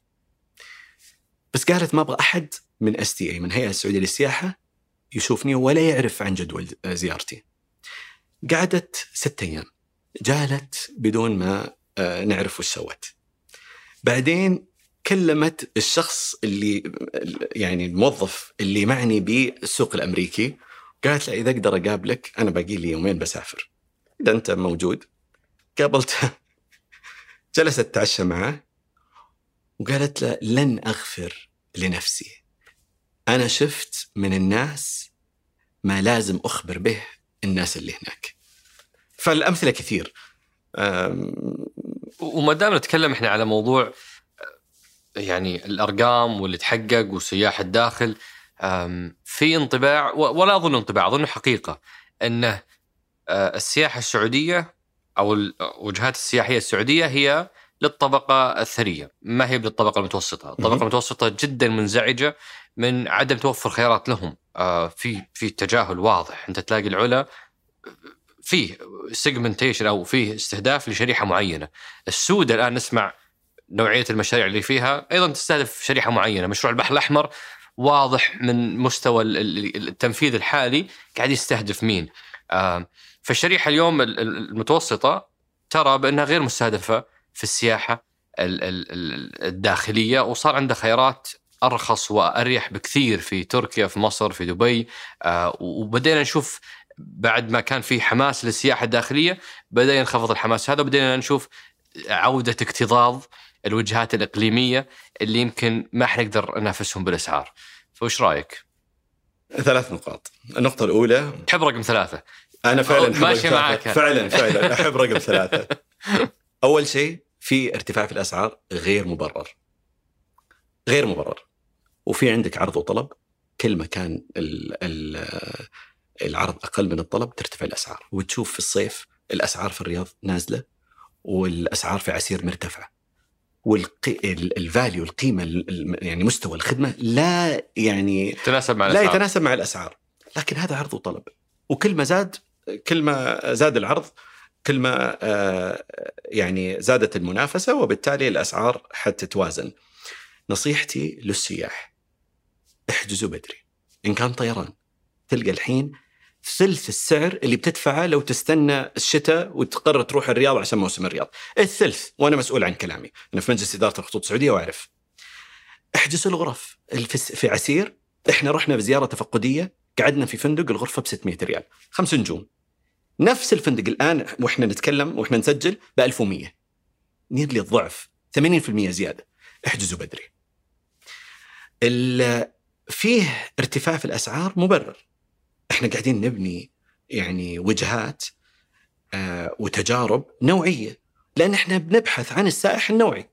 ما إحنا بنبحث عن ال... إحنا زي ما قلت لك النجاح الاقتصادي إنه يكون عندك الإنفاق في في المملكة. فلا بد إنك أنت ترفع الجودة بما يستقطب ويستهوي آه هذه الشرائح ال- الأبرز. الآن هل هذا النقطة الثالثة هل هذا معناته إنه آه ما نطور شيء جديد للمتوسطي الدخل؟ إلا والقادم والآتي بإذن الله آه، في شركات تعمل عليها يعني جهات كانت الوزارة وصندوق ال- التنمية السياحي وصندوق الاستثمارات العامة. في شركات الآن تعمل على تطوير وجهات وتجارب وفنادق لشريحة شريحة متوسطه الدخل بحيث ان تعطي فرصة للجميع آه، الاستمتاع بهالثروات الطبيعية، إن كان بحر ولا إن كان جبل ولا إن كان آه، صحراء. فأنتم مقتنعين الأسعار الحالية غير منطقية ولا تناسب الخدمة المقدمة أبداً.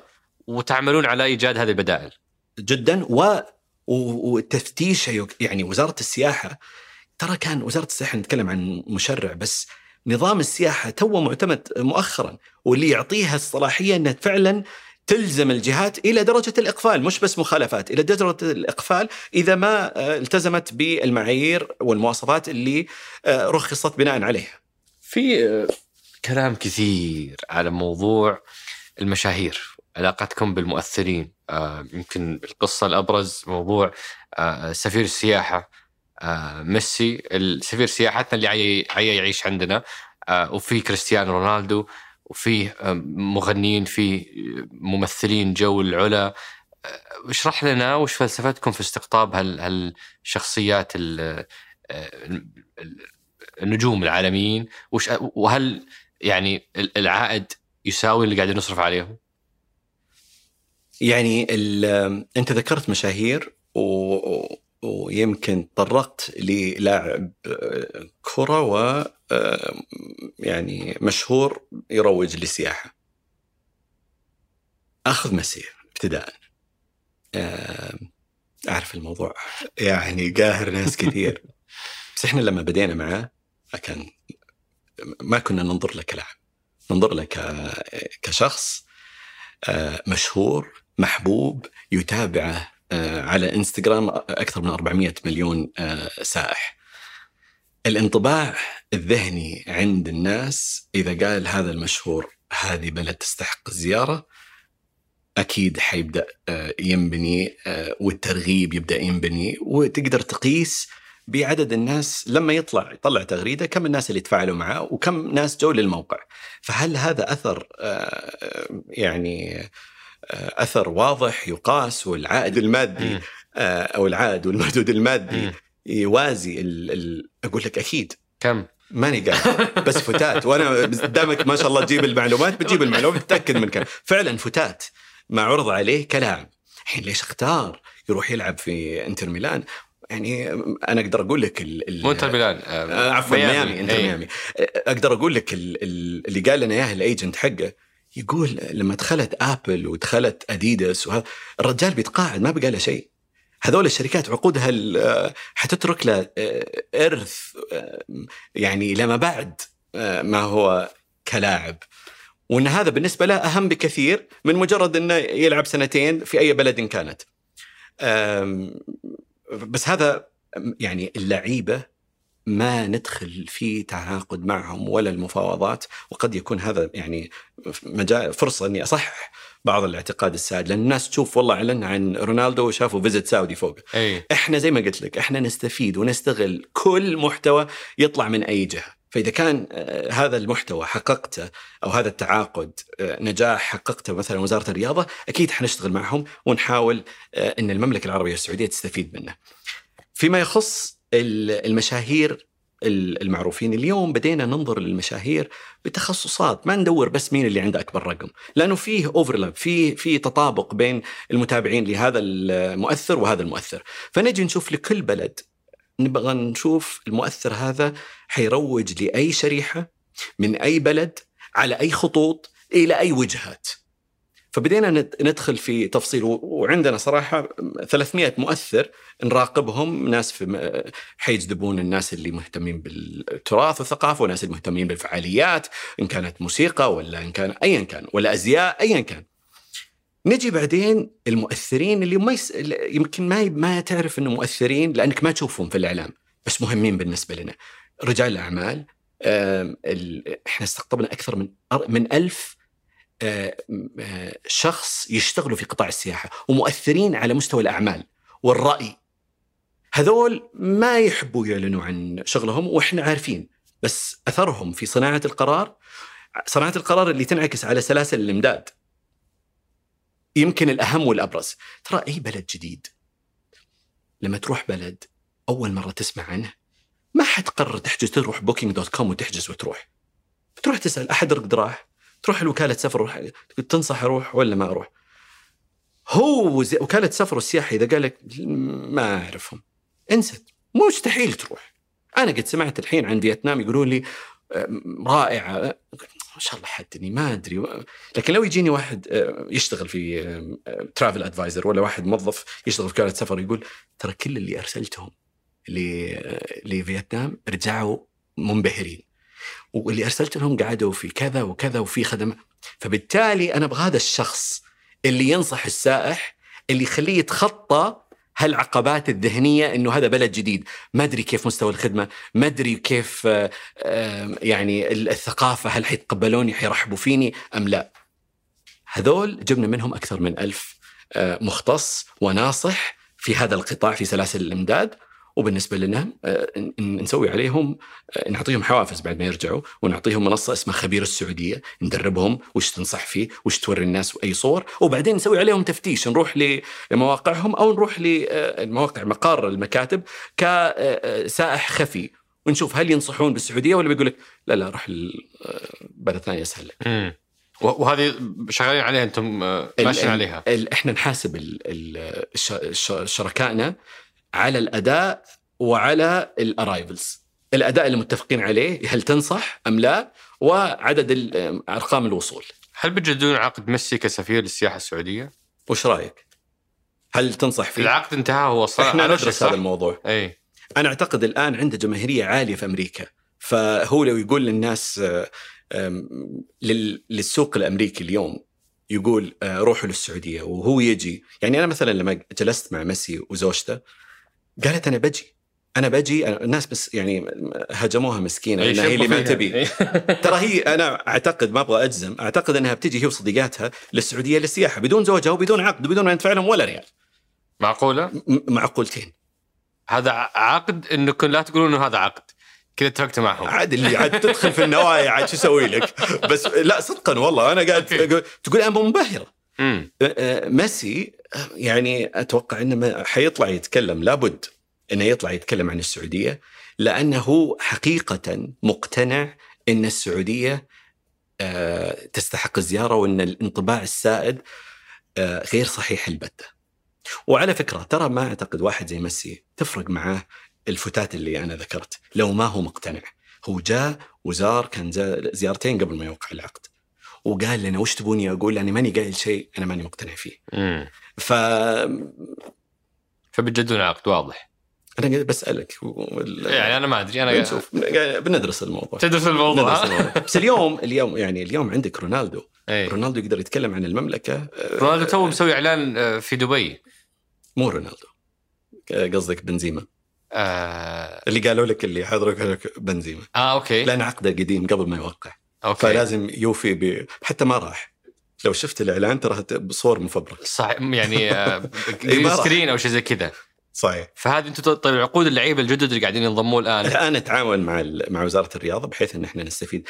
يعني كل مرحلة عندك آه، قوة وميز نسبية لازم تستفيد منها. وحنستفيد من كل محتوى نروج له واللي كنا مرتكزين عليه. قد لا نرتكز عليه لأن حنرتكز على ما هو أقوى وأجمل. آم، لو أنا رائد أعمال وقاعد أسمع الحلقة هذه وأسمع عن مرحلة يعني يعني تاريخية مقبل عليها السعودية في فتح السياحة آه، أنتم الظاهر مقسمينها قسمين آه، إلى 2000 إلى 2022 يسمونها اكتشف السعودية من 23 إلى 2030 أنتم مسمينها استمتع بالسعودية فهي ال- المرحلة الأهم اللي فيها المنتجعات العملاقة طبعا مع مع ال- الجائحة دفها دفيتون سنتين آه. 25 25 إيه. أنا كرائد أعمال وين الفرص؟ وين تنصحني؟ أنا أقول لك رسالتي لكل رواد الأعمال إذا عندك شك إن الخدمة اللي ممكن تقدمها في مجال السياحة يكون لها طلب ولا لا أقول لك إيه والوجهة اللي تروح لها صندوق الاستثمارات العامة عفوا صندوق التنمية السياحي بدأ الصندوق بالمشاريع الكبيرة والنوعية و اللي هي نسميها game changers اليوم بدينا نشوف إنه الفرص النوعية قد تأتي من الشركات الصغيرة وسووا آه، صندوق خاص بالشركات الصغيرة المتوسطة ورواد الأعمال. ف وعندنا أمثلة كثيرة إحنا في في الهيئة السعودية للسياحة حاولنا نوصل لرواد الأعمال وطلعنا برنامج مع قناة الام بي سي سميناه كرام. طلع من ال- البرنامج التلفزيوني طلبات كثير جتنا بالآلاف منها آه، منصة حيهم. هذه منصة حيهم أو بالإنجليزي Hi آه، Hi Home كلها تجارب آه، سعودية آه، أصيلة وعليها نمو كل سنة. دعمنا مثلا احد القصص الناجحة الرائعة Gathern السكن التشاركي. وكل صيف نرفع معدل السكن بالتعاون معهم ومعدلات الطلب عليها كبيرة. فإن كان في التقنية والخدمات المبيعات ال- ال- ال- عفوا الصرف الترجمة ال- التسويق منصات إذا كنت بتسوي softwares للمبيعات. كل الخدمات اللي تخدم القطاع السياحي إذا عندك شك أبى أقول لك اقطع الشك باليقين وروح للصندوق وغالبا آه، حيدرسوا معك دراسة الجدوى ويتم آه، تمويلك. يقولون 20 قانون 20 80 صحيح. مين هي ال 20% من الدول اللي بتجيب لنا 80% من السياح؟ مركزين على مين أنتم؟ طبعا كل غرض ال 20 80 تختلف آه، بس أنا أتكلم أنت تسالني عن يعني مثلا العمرة حتظل الدول الإسلامية هي اللي بت- بتقدم لك آه، أكبر الأعداد مهما زاد العدد من مثلا بلد مثل آه، آه، ايا كان آه، قول في أوروبا آه، بلجيكا حتى لو كانوا أثرياء لن يغطوا ال- الملايين اللي يجوك من إندونيسيا. الكلام على السياحة أقدر أقول لك إنه آه، أنت تنظر ل إيش اللي عندك معروض؟ أنا لو عندي مثلا سياحة تسوق هي الرائدة أبى أقول لك إنه الشرائح اللي حتجي حتكون من مثلا الصين هم أكبر المتسوقين في العالم اللي يروحون يصرفون في التسوق. إحنا لو تشوف الوجهات اللي الحين قاعدين نطورها إن كانت ثقافة أو إن كانت وجهات بحرية. أتوقع ال- ال- ال- السياحة البحرية آه، والشواطئ حتكون هي ال- ال- الجاذب الأكبر ومين اللي بيجيك وبيصرف مين ال 20 80% أقدر أقول لك اللي عندهم يخوت اللي عندهم قوارب اللي يشتغلوا اللي يشتروا بيوت ثانوية إن كان البيوت الثانوية هذول في مكة والمدينة ولا إن كان البيوت الثانوية في عسير في كمصيف ولا إن كان آه، بيوت بي- آه، بيوت آه، عائمة اللي يثبتوا ال- اليخوت عندنا على الوجهات البحرية. فما أقدر أقول لك والله هي دولة هي شرائح في كل هالدول. بس ليش أحس إنكم مركزين فقط على الغرب؟ هل لأنهم شقر ويس... يعني كشخة إنه تجيب سياح اجانب مع طب الصينيين والله أنت اللي م- ولا هذا طباعي أنا هذا طبعاً. الصينيين أحسكم ساحبين على الصينيين وهم هذا الإحساس من وين جاي طال عمرك؟ ما. أشوفهم ما أشوفهم اولا هم سامحين لهم يسافرون هذا آه. واحد أوكي اثنين بالعكس إحنا اليوم أعلنا مع هيئة الطيران المدني ما قصروا بدينا مطار مطار الرياض فيه كل ال- الساينجز اللوائح الإرشادية أصبحت مترجمة آه، للصين بالصيني. لأنه قاعدين نركز على ال ال ال السائح الساحة الصيني. الصيني كنت أنا مشارك مع وزير السياحة في المؤتمر ال- الص- الصيني السعودي وتكلمنا عن الجه- الجهوزية للسائح الصيني وتكلمنا إنه عندنا إن شاء الله إعلان قريب مع رئيس مجلس إدارة شركة أكور عندهم 40 بروبرتي يعني أوتيل حتكون كلها جاهزة للسعوديين قريب العاجل للصينيين. قريب العاجل عندنا ثلاث خطوط حنبدا نشغلها من الصين قريبا حنعلن إن شاء الله في في الصين والحملة الإعلامية اللي حتواكب الإطلاق أو الإعلان الرسمي للمملكة العربية السعودية كوجهة آه، تنصح تنصح بها الحكومة الصينية حتصاحبها حملة إعلامية ضخمة.